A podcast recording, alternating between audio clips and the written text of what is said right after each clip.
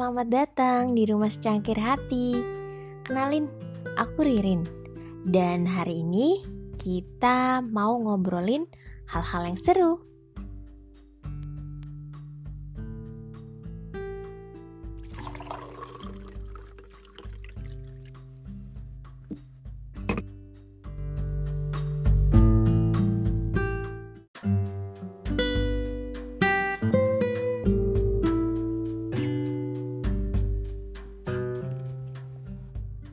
Hai teman sehati, ketemu lagi di sini.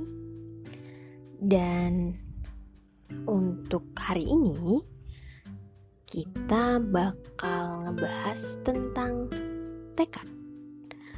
Wah, kayaknya semua topik kita di minggu ini ada benang merahnya ya. Nah, kalau yang ini aku mau throwback sedikit nih tentang pengalamanku ya pastinya masih berhubungan dengan cerita-cerita sebelumnya. Kali ini, kisahnya mengenai tekad aku untuk menyelesaikan studi di bangku kuliah. Nah, jadi sebenarnya aku tuh berkuliah selama lima tahun. Padahal sebenarnya di tahun keempat itu aku sudah bisa lulus karena sudah tidak ada mata kuliah lagi yang harus aku ambil dan sedang mengerjakan skripsi. Jadi seharusnya di tahun itu aku juga bisa ujian sidang. Namun seperti ceritaku yang sebelumnya, aku mendapat tawaran untuk mencoba bekerja sebagai substitute teacher atau guru pengganti. Dan di saat yang bersamaan, aku pun sedang menjadi part-timer librarian di sebuah coffee shop. Jadi, coffee shop ini juga memiliki library atau perpustakaan.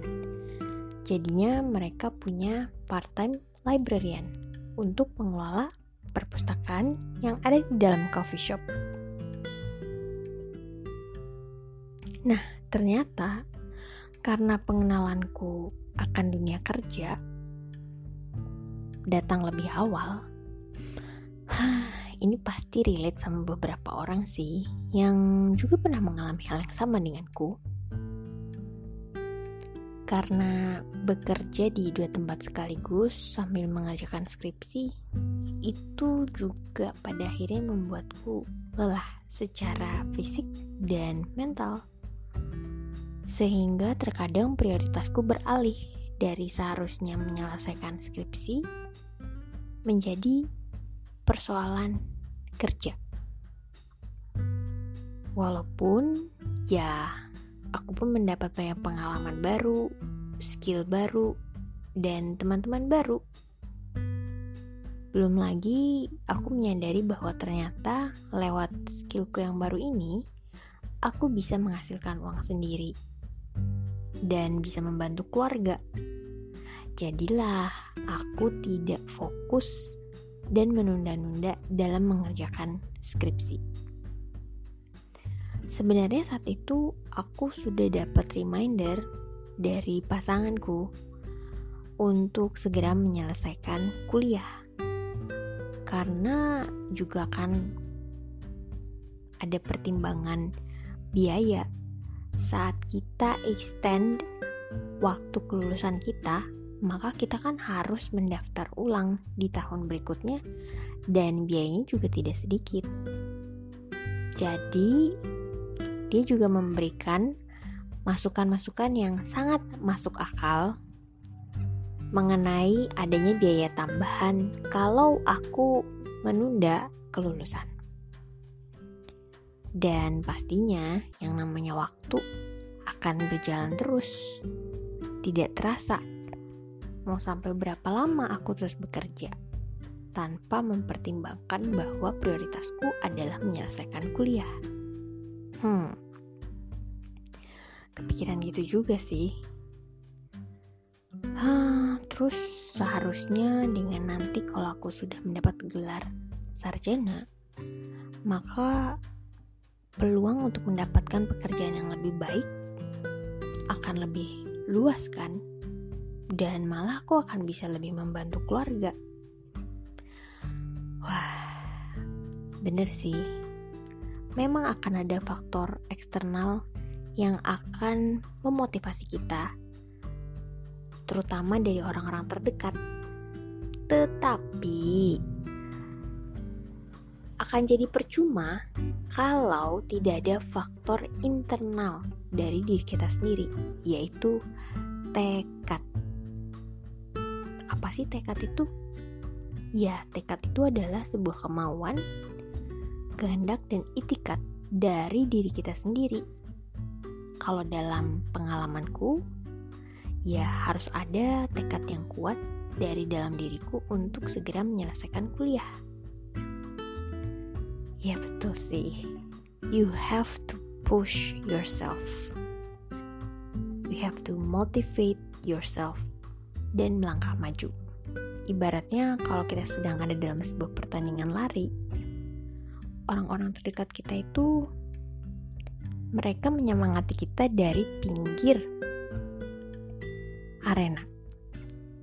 Tetapi yang sedang berlari kan kita. Jadi mau gak mau kita harus mengerahkan seluruh energi, tekad, dan usaha untuk terus berlari sampai mencapai garis finish.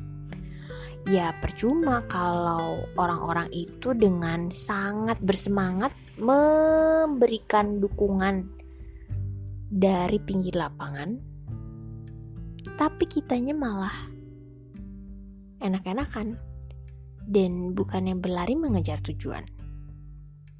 Maka dari itu, finally aku mendorong diriku untuk menyelesaikan skripsi. Salah satu hal yang kuambil adalah aku resign dari tempat part-time di coffee shop karena selain di sana aku rasa aku sudah cukup dapat pengalaman dari bidang yang lain.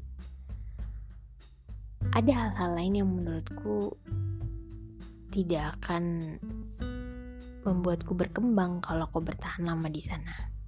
Jadi akhirnya aku putuskan aku resign dari coffee shop. Yang kedua, aku pun resign dari sekolah tempat aku menjadi substitute teacher. Dengan pertimbangan ya aku harus menyelesaikan kuliahku terlebih dahulu. Sebelum nanti aku mendapatkan tawaran mengajar lagi. Finally, di tahun kelima itu, aku bisa sidang dan lulus dengan hasil yang baik.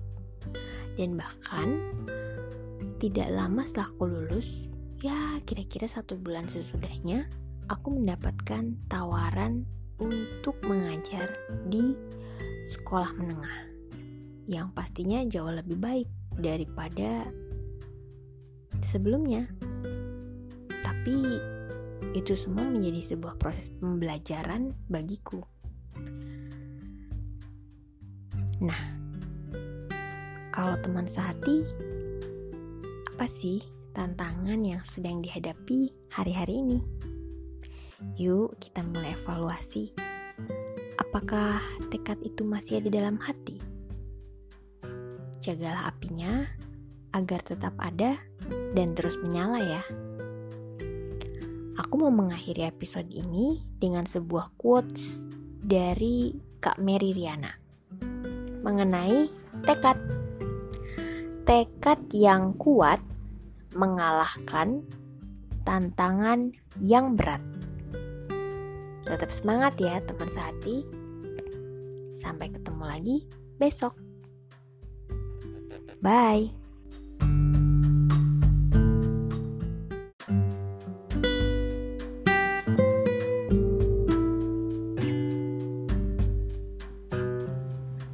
Kasih ya udah dengerin ceritaku hari ini. Besok kita ngobrol lagi ya. Oh iya, kamu juga boleh banget kok kalau mau cerita sama aku. Tinggal sharing di kolom komentar atau follow Instagramku di @secangkirhati21. Kamu hati-hati di perjalanan ya. Semoga secangkir hati hari ini bisa membuat harimu berseri. Terima kasih udah mampir ke rumahku. Bye bye.